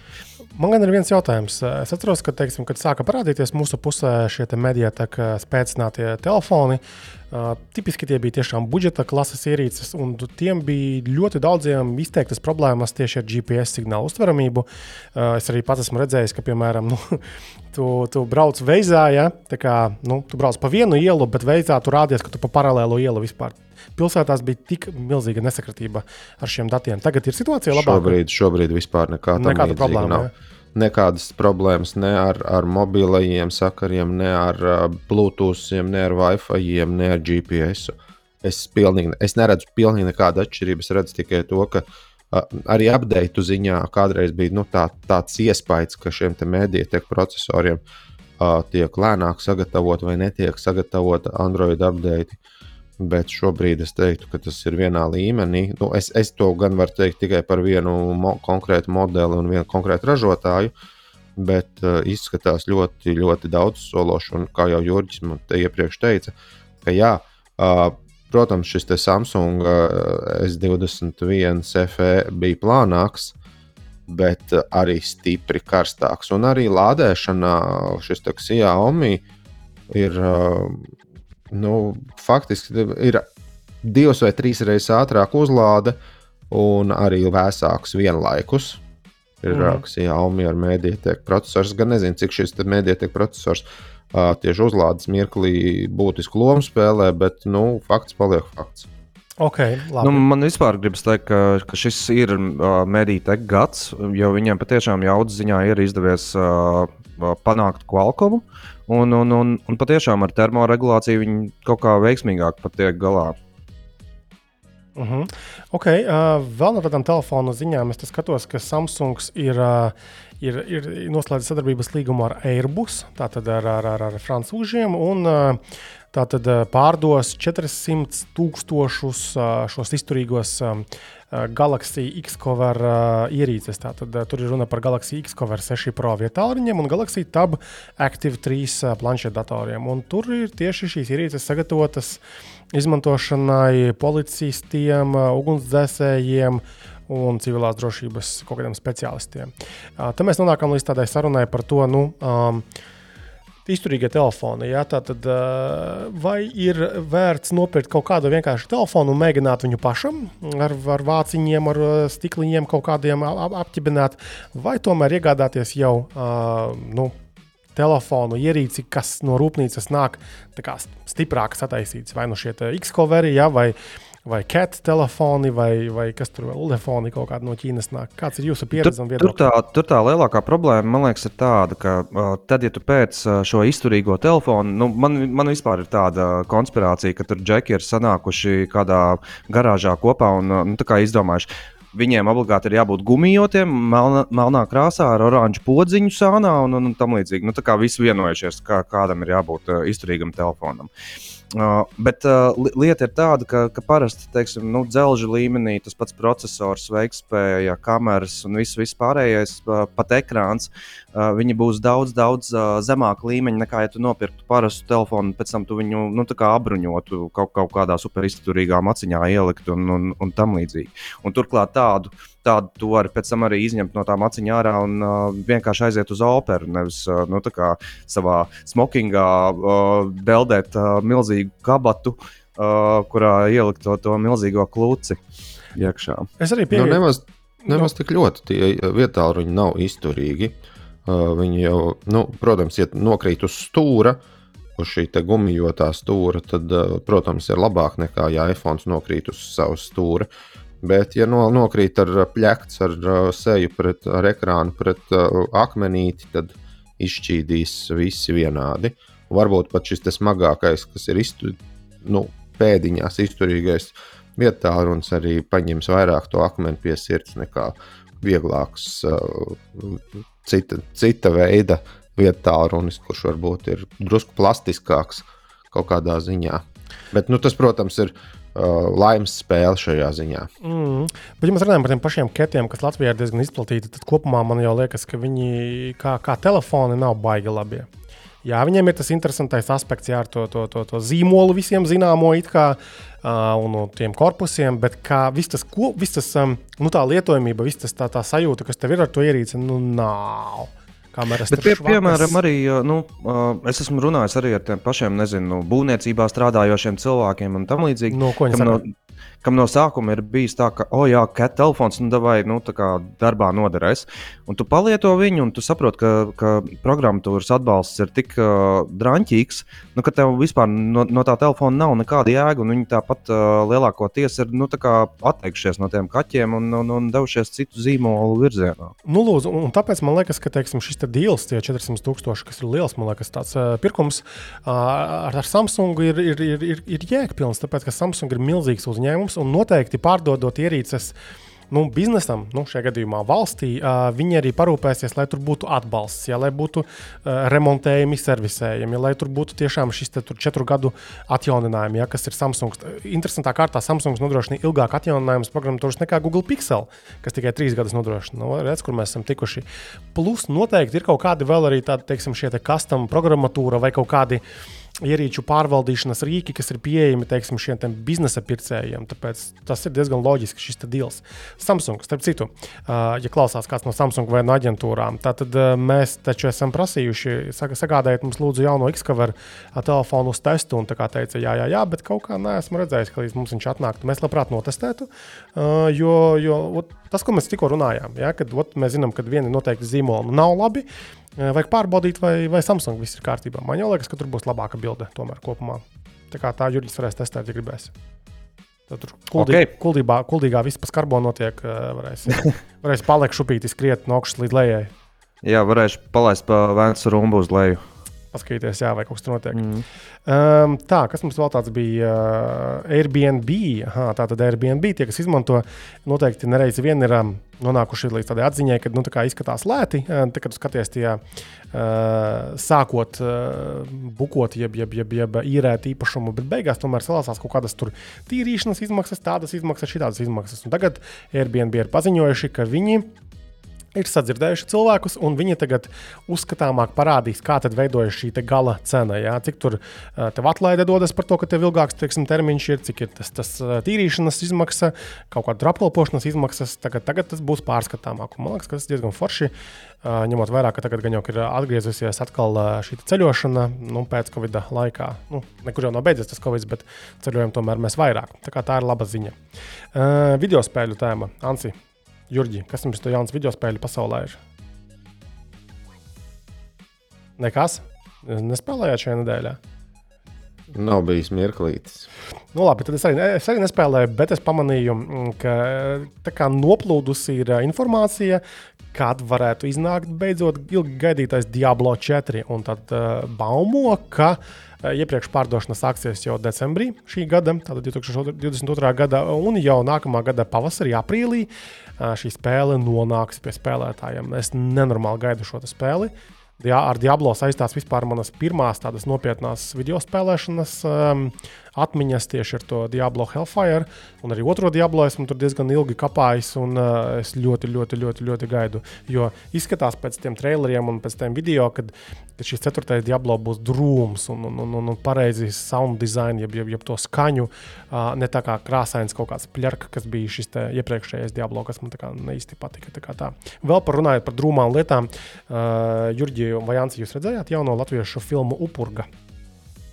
Nē, Nav bijis tas gods. Nē, es pat neesmu. Red, dzirdējis. redzējis, neesmu, bet uh, atsauksmes diezgan uh, labas esmu dzirdējis. Nu, redz, jā, un, un, un, un, un, kaut kādā jablo tēmās man ļoti valkās līdzi. jo Es arī biju pagājušajā nedēļā uz šo filmu ar sievu, un man ļoti patika. Ir tāds strīds, kā visiem gribās teikt, tā latviešu filmas, tas jau sūds noteikti, un tā, bet izgājām laukā no tā kinoteātra, un nebija palielam neviena aspekta, kur mēs teiktu, ka, mm, nu, jā, nu, labi, piedosim, tāpēc, ka latviešu filma viss tur bija līmenī, tiešām nofilmēts. Vienkārši nevajag gēķu filmas skatīties. Tas nu rāda, Tās to, rada to, to, to, Šī ir pieminēto iespaidu efektu, defektu. Jā, jo šī ir uh, Uģa Oltes uh, filma, ja nemaldos. Un, uh, un tur kopā vēl bija kaut kāds ārzemnieks, kas pie scenārija strādājis. Bet kopumā ļoti, ļoti, ļoti forša filma. Ja tev interesē, bija šī tāda mistika, kaut kas tamlīdzīgs. Ah, starp citu, vēl arī uh, viņiem uh, YouTube, liekas, ka vidus filmu studijas YouTube kontā ir tā saucamie making of video. Un tur Terzans uh, tieši izved cauri palielam tai filmas tapšanas. Stāstam, it kā pasakot, bet it kā nepasakot daudzas lietas. Un ļoti gūfī pirmajā šajās epizodēs, bet man liekas, ļoti interesanti. Tā kā paskatāmies vismaz to, un pēc tam aizējām uz filmu, atbalstam vietējo galu galā kino. Tas, tas ir, man liekas, viņi ir pelnījuši. Lūk, jā, un, protams, gaidām līdz aprīlim šo Diablo, jo nu, kur bez Diablo mēs būsim. Um, tā, kas vēl tāds bija tāds interesants? Uh, au, Jurģi, es skatos, ka tu esi sagatavojis stāstu par to salokāmo iPhone. Kas tur bija? Ko tur tie trakie ķīnieši ir sadaisījuši? Nu, tur tas stāsts būs uh, gauži īss. Uh, principā, uh, puikas izdomājuši, ka nevar nociesties, kad Ābols pats beidzot uztaisīs salokāmu iPhone. Līdz ar to viņi paņēma iPhone X, jeb iPhone 10, kā, kuram labāk patīk viņu saukt, un Motorola Razer 2019. gada variantu. Un, uh, un būtībā ļoti daudz ilgi mēģinot salikt viņus kopā, viņiem tas arī izdevās. Viņi, kā viņi nosauc to, tas ir iPhone V. Uh, tā teikt, jo tu vari viņu salocīt līdzīgi kā V burtiņā. Uh, Bet, nu, pro, pro, protams, tas koncepts nav ļoti skaists, viņš nav ļoti elegants un, un, un, un tam līdzīgi. Nu, tā, tāds foršs uh, DIY, jeb pašrādes uh, projekts. Kā. Uz kā bāzes viņš bija taisīts? Uz Motorola reizes salokāmā. Laikam. Jā, jā nu, viņi ņēma to, to eņģi, un tad viņi ņēma 37. Uh, Uh, iPhone X uh, ekrānus, lobīja nostur viņiem tur stiklu, lai, lai paliek tikai tā lokamā daļa. Uh, Un, un, un tad kaut kādā veidā to visu sastiķēja kopā, tā lai tas darbotos. Bet tas smieklīgākais ir tas, ka, ka, ka viņiem to visu stiķējot kopā, izdevās iemānīt iekšā tikai un vienīgi 1000 mAh akumulātoru, kas ir nu, gauži maz, un, un, un tu praktiski neko nevari ar tādu nieciņu izdarīt. iPhone jau tas tāds standartiņš. Tā nav, tur viss ir normāli. Ja? Lēni lādējas, bet tur normāli. Bet priekš kam tas salokāmais? Nu, vajag, nevajag vienkārši pamēģināt, ka, hei, varam sataisīt. Līdzīgi kā bija tas iPhone, kurš jau tagad ir arī to USB Type-C, bija kaut kādi gudrinieki izņēmuši laukā ķeskas un pamēģinājuši to iebūvēt. Jā, jā, jā un, un līdzīgi kā kuram tur septītajam vai kuram iPhone, kad uh, ar urbu bija urba, lai, lai, lai tiktu pie 3,5 mm džeka un, un, un tam līdzīgi. A, to tas foršais čalis, viņam tas YouTube kanāls bija, kurš tieši ar tādām komponentēm, viņš tur Ķīnā arī dzīvoja kaut kādu momentu. Kā tas bija tāds interesants projekts. Jā, bet nu, Samsung jau ir gājis par Apple, kad hei, vokur uh, mums ir, jums nav. Bet es, es joprojām palieku pie viedokļa, ka tas nafig nav vajadzīgs, ka šie salokāmie telefoni pārsvarā neko tādu nedod uh, klāt. Nu, labi, vienīgais varbūt šie flip, uh, kas ir tie budernīciņas, kompaktumu iedod. Bet tā kā tāda programmatūra tas, tas ziņā, ko, kom, kompaktums ir baigi foršs, bet uh, tā lielākā problēma ir tāda, nu labi, nu, tā kā viņi uztaisīja viņus atlokāms, bet uh, reāli tas, tas progress nav gājis tik, uh, tik uz priekšu, lai tas atlokāmais telefons būtu tikpat praktisks kā vienkārši. Nu, kā... Neizturīgi viņi vēl ir. Jā. Protams. Man, man cilvēki, kas ir lietojuši, stāsta, ka, uh, ka, ka viņi jau ir nomainījuši vismaz divus vai pat trīs šos te, telefonus, un, un ka servisā pusē cilvēki ir arī teikuši, ka baigi daudz nes atpakaļ. Es nevaru apstiprināt, protams, jo tā nav oficiāla informācija, bet tas ir tas, ko pilsētā putniņi čivina. Jā. Uh, kas vēl tur bija? Kas, kas vēl, Ansi, tev ir sakrājies Uz sirds, kas ir? Jā, spēlē. Oi, oi, mums, mums ir uh, brīnišķīgs stāsts, kurā es absolūti neuzņemos pilnīgi nekādu vainu, vainu savā pusē. Tā ir tīra Kristapa vaina. Kas atkal notiek? Tā, klausies. Es, ir, labā, ir arī labā, ne, šī ir labā ziņa. Un ir vēl viena labā ziņa, kas esmu iegūmis vēstuļu draugu. Vismaz man šķiet, ka tā ir vēstuļu draudzene, nevis draugs. Nu, tā, tāds cilvēks tur parakstās.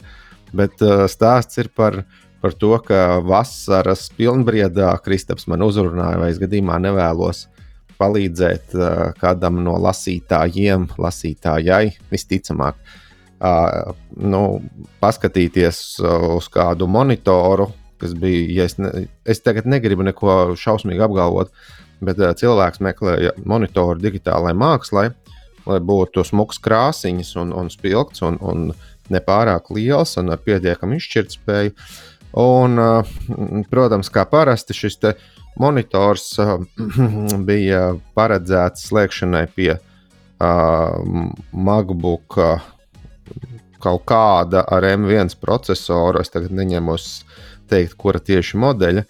Bet nu, pirmais, es, es, pirmais bija labi, pirmā man atbilde bija labdien, un otrā atbilde uzreiz sekoja, ka, bet ziniet, būs problēma ja, ar visādām dokstacijām un vadiem.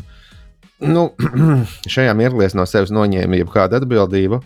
Es vismaz tā ceru, vismaz man tā šķita. Bet nu, pēc tam mēs tur daudz un dikti sarakstījāmies. Tika ieteikts, beigu galā cilvēks tur bija piemeklējis kaut kādu 18, 19 gadu dēlu, ja nemaldos. Monitoru? Uh, jā, jā, monitoru. Uz ko es norādīju, ka nu, pat droši vien virsū skatoties, nav jāskatās uh, uz šo monitoru, jo tomēr ir, laiks ir pagājis, tie ir gandrīz četri gadi.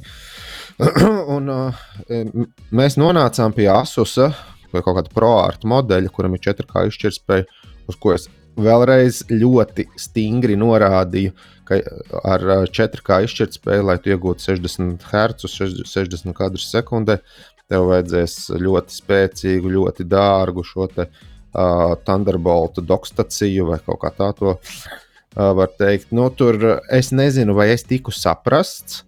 Es nezinu, kāpēc es tiku uzklausīts. Kāpēc pat taisnība? Tas ir viens monitors, tā jau nav problēma. Kaut kas tur, nu, pagaidi, te, tur ir šiem te, uh, datoriem ir tikai Type-C izējas. Nu, savienoja pat taisnību malcu. Nu, tur tā nebija beigās galā. Par to es brīdināju. Tur tā, tur tā beigās nebija. Cil, jā, mēs visi te grozām galvas, katrs savā pusē, bet beigās galā tā nebija. Es klāt neesmu stāvējis, bet uh, fakts ir fakts, ka uh, cilvēkam tur nepārāk gludi gāja, un vēl ar vienu nepārāk gludi iet. Monitors tika aizvests uz servisu Jau. Jā, jā, bet servisā vispār, nu, servisā piesprāda klāt, teica, viss iet un viss notiekās. Es tiešām es neesmu klāt stāvējis, es pats neesmu Macintosh lietotājs. Savienojiet pat taisnā, drīt vai micīt. Ja, ja ta, Nevar.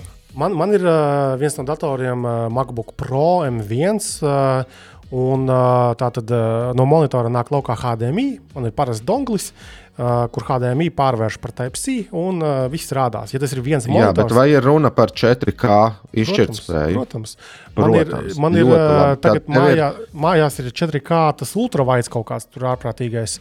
Uh, Un arī tu, arī tu viss darbojas, ja ir viens monitors tiem M sērijas procesoriem bija problēma tāda, ka tur nevarēja uh, vairāk par diviem laikam saslēgt. Tur bija baigā kaut kāda opera, ja, bet vienu pieslēgt 4K vispār nekāda problēma. Nu, es nezinu, es esmu, saņ... mēs esam sarakstījušies kopš vasaras. Tev jābrauc ciemos pie viņas vienkārši vai viņa. Ar dongļu jau nu, tas, Man liekas, ka tev būs jāpārņem šī stafete nedaudz, ne, jo, jo, jo, jo tas viss, ko e, es, viss, ko es ieteicu, kas varētu būt, es, es nezinu, vai tas tika kaut kā ņemts vērā. Bet nu, stāsts, es pieļauju, ka vēl nav noslēdzies, bet es saprotu, ka tika tik pārbaudīts dators uz, uh, ar, kopā ar citiem 4K monitoriem, ka tur viss ejot. Uh, monitors servisā tika uzrādīts, ka tur viss strādā un viss notiekās. Es gan nevaru pateikt, servisā pie kādiem datoriem tur slēdz klāt.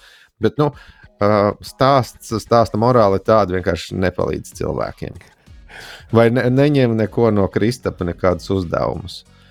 Vai tā, tā nu, kas pār, nu, parastā, parastais stāsts, ka oh, ceļš uz Eli ir uh, bruģēts ar labiem nodomiem. Nu, tu gribēji palīdzēt, bet uh, Kaut ko es, es, nezinu, es nezinu, ko par mani un par mums vispār domā. Bet es vēlreiz gribētu uzsvērt, ka tā ir Kristapa vaina. Mums komentāros parasti bieži vien norāda, ko par tevi vai par mums domā. Tas normāli ir. Bet man liekas, kaut ko esam tur samudrījuši par daudz. Un, uh, labi, vai pieslēgšos, pamēģināsim kaut ko tur pēc tam uh, tikt skaidrībā ar to visu. Labi, uh, Savukārt es gribu teikt uh, labo piemēru, ka uh, pēc mūsu apskatiem uh, es zinu vairākus aktierus, kas ir izvēlējušies sev jaunus mobilos tālruņus. Kādus? Uh, pirms, uh, pirms uh, kāda laika viens mans kolēģis izvēlējās vienu Xiaomi. Uh, Un uh, vēl pirms uh, kāda laika bija arī viens Samsungs. Un acīs skatās tev smaidot vēl, ja? Jā. Ļoti labi. Dīvainā kārtā, jā. Kā tev pašam sokas ar to telefonu, nothing, kas tev ir? Tātad es jau, jau pāris mēnešus lietoju Nothing phone, un esmu ļoti, ļoti apmierināts. Vienīgais, kas man īsti līdz galam nepatīk, ir akumulātora darbība, jo tā, diemžēl, ar atjauninājumiem nav uzlabojusies, jo vispārējais tur kameras strādā labāk, viss, viss ir ļoti forši.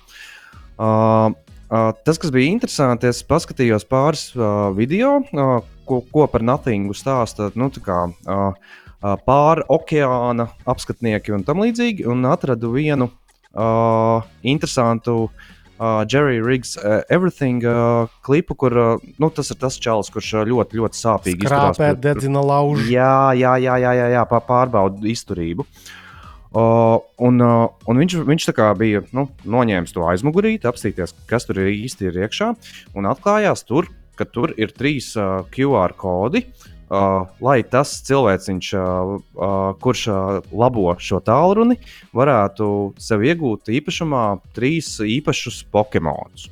Es gan uh, biju stipri, stipri pārsteigts, ka Pokemon ka tā vēl aizvien ir stēla. Nu, man jau likās, nu, ka, ka, ka tas vaiprāts ir beidzies. Bet tādā ziņā man liekas super asprātīgi, nu, ka, ka, ka viņi izdomājuši tādu foršu nieciņu. No tā vējā? Kas? Un tā vējā telefonā ir Pokemoni. Es neesmu lauzis vaļā. No, es pamēģinu uh, tagad, sarunas laikā. Tagad? Tagad uh, la, la, lauzt vaļā? Jā. Varētu, jā. Varētu pamēģināt. Nākamajā epizodē pastāstīsim, bet, uh, bet, bet kas, kas vēl uh, ar Nothingu? Nothings, uh, ja nemaldos, kaut kad nesen izziņoja tās jaunās viņu austiņas. Uh, uh, Nothing, nothing uh, Air Stick. Air stick jā. Un, uh, un tās, uh, tās ir, nu, pro, protams, viņi tur ļoti daudz uh, par, par dizainu domā. Atkal viņas ir caurspīdīgas, lai saskanētu ar, ar telefonu aizmuguri un tā. Uh, un uh, kā, kā viņi paši uh, nu, postulē marketinga materiālos, uh, ka ļoti daudz domāts par ergonomiku, jo austiņas ir tikai 4,4 gramus uh, vieglas, uh, lai tu varētu visu dienu kā, ar viņām staigāt un nejust viņas. Nu, lai, lai tev būtu nothing ausīs. Man, pat, man, man patīk, kā, kā Ansis uh, šīs austiņas izziņoja. Jaunās Nothing Ears tik austiņas nesamazina cenu, bet samazina iespēju klāstu. Nu, drusku, Tāpēc, tā arī bija. Drusku bija pāris, ir. pāris dienas iepriekš viņi bija vienkārši pacēluši šīm Nothing Airs, uh, Air viens, jā. jā, austiņām vienkārši bija pacēluši pa 50 eiro cenu un ah. pēc dažām dienām izziņ, izziņoja šīs te. Nu, tā jau arī sanāk. Ne, tur bija kaut kāda šī trokšņa slāpēšana, tur vēl kaut kas bija paņemts no galvas. Ne, nebija arī bezvadu uzlāde, kas bija pirmajām oriģinālajām. Laikam, jā, bet nu, izskatījās čābīgi. Viņi to vismaz varēja nedarīt vienā nedēļā. Mm -hmm. Bet, jebkurā gadījumā, šīs austiņas mums ir saņemtas uz testu. Uh, drīzumā tās nonāks pie Jurģa, un tad uh, Jurģis sagatavos, domāju, dažu nedēļu laikā arī apskatu, uh, kurās pa pa padalīsies ar saviem iespējām. Ja mēs runājam vēl par austiņām, tad uh, Keitija ir uh, tikusi pie Apple AirPods Pro 2, tātad šiem jaunajiem uh, austiņām no Apple, kas tika izziņotas nu, pirms dažiem mēnešiem pāris. Un uh, arī ziņo, ka jau, tātad, jau ka nākošais nedēļa būs arī apskats pieejams. Bet vēl, Jurģi, uh, es. Um, tātad tu notestēji Asus Zenfone 9.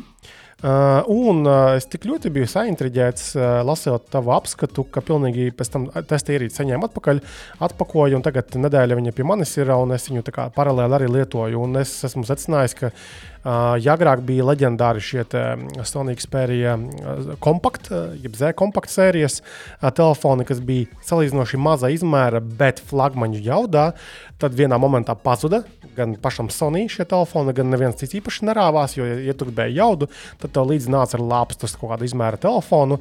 Pēkšņi... Š, šobrīd, šobrīd Sony uh, turpina to kompakto sēriju. Uh, Xperia 5 sērijā. Jā, bet kur Sony šobrīd arī ir? Un tāpēc, tāpēc bija interesanti redzēt, ka tāds Zenfone 9 ir ar to jaudīgo Snapdragonu mums, nu, high-end un to kopumā diezgan tāds normāla, nepārāk liela, kaut kāda nu, 5,9 colas, nu, ne, ne, nenosauks par mazu šo telefonu. Un viņam arī tas neslīd, neslidenais korpus. Man izskatās diezgan patīk tas telefons. Kas tev tur bija par feedbacku, jeb atsauksmēm? Mans feedback ir tāds, man arī viņš ļoti, ļoti patika. Jo, jo, protams, ja tu lieto visu laiku lielās lāpstas, tad tev, tev paņemt vienā rokā lietojamu telefonu ir nu, bauda.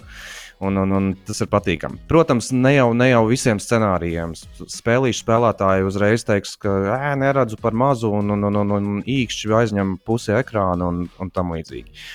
Uh, pat, pats telefons ļoti jaudīgs, maziņš, ērts labs. Uh, biju super pārsteigts par skaļruņiem.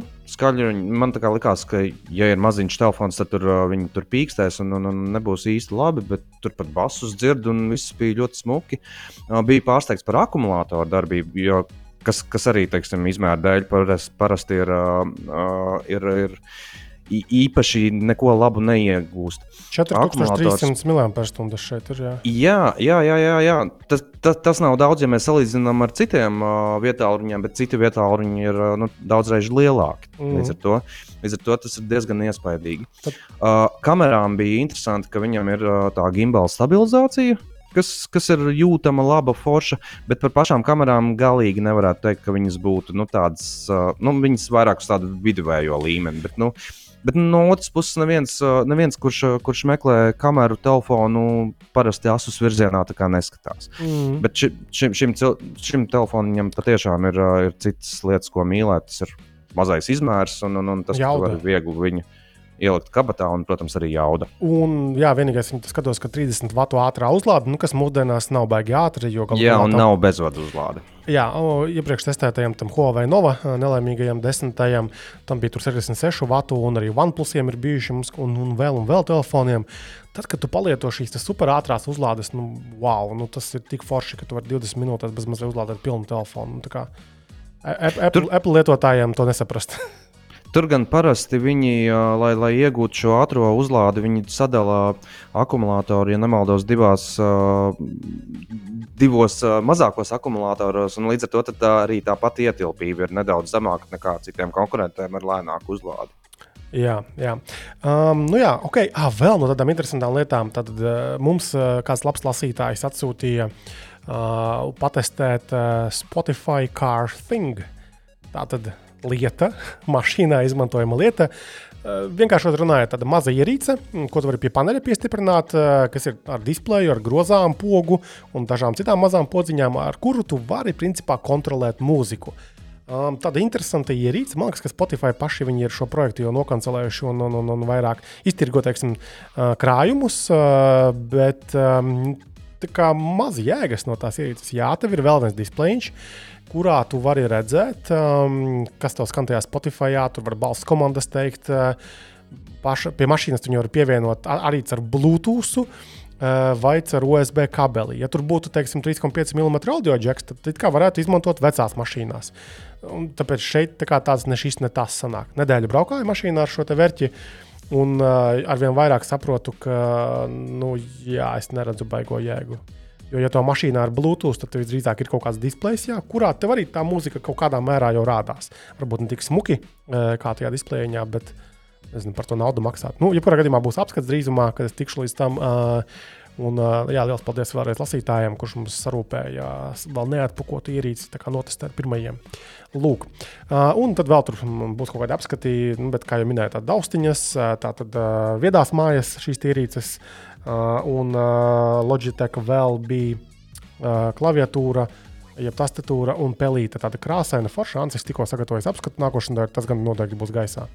Komentāri mums, kaut kādi? Pie mums ir atbraukusi arī jaunā RTX 40, 80, tā, kas ir 16 gigabaitu. Nu, tā, kas ir faktiski vienīgā palikusi, bet nu, 16 gigabaitu video kārta. Bet, manuprāt, mēs par to neko baigi daudz vairāk šobrīd nevaram teikt. Es Nā... nemaldos, 15. datums ir tas, kad var sākt skatīties, kas tur notiekās. Es neesmu drošs, ka mēs varējām teikt šo datumu, bet nu, labi.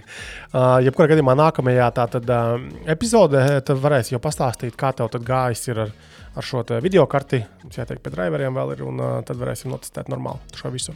Lūk. Jātiek arī pie ietilpīgākas datorkastes, jo nu, būsim godīgi, mūsdienās tas dzelži ir tik vaiprātīgi izmēra. Uh, Es neesmu vēl nosvēris šo video karti, bet man ir slikti aizdomā, ka tur ir 3 kg vai vairāk. Jā, galvenais, lai nesvilst ar tiem konektoriem, kur tur bija. Ko konektori ir šie svilstošie. Jā. Ideāli. Komplek tad... Komplektiņā ir tā pārēja, kas ir. Ugunsdzēsējs nu... nav, saprāts ugunsdzēsumās nav komplektā.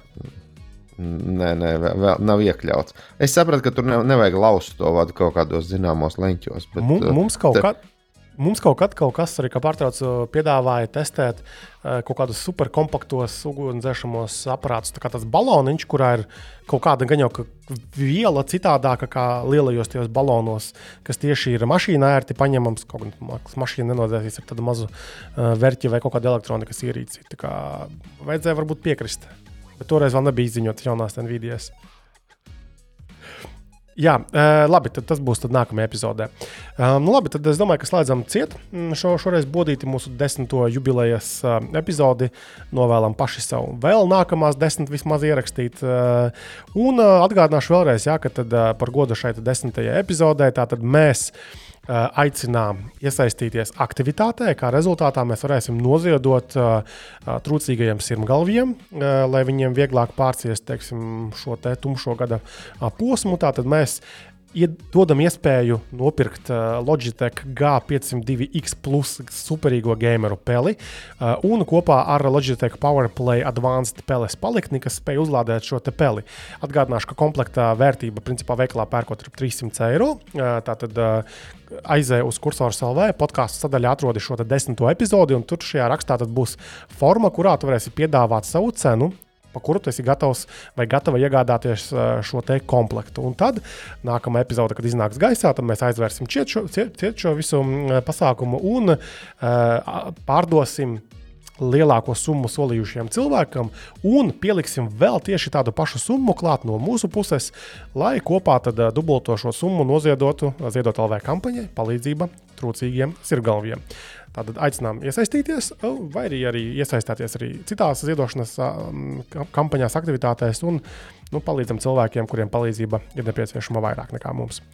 Jā, paldies, ka klausījāties. Paldies arī Jurģim un Ansim par, par, par raito runāšanu. Lai jums visiem izdevusies diena, nedēļa. Tiekamies pēc nedēļas. Atā!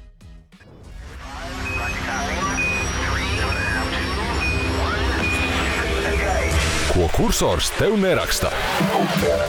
Regulārs tehnoloģiju podkāsts kopā ar Cursors LV.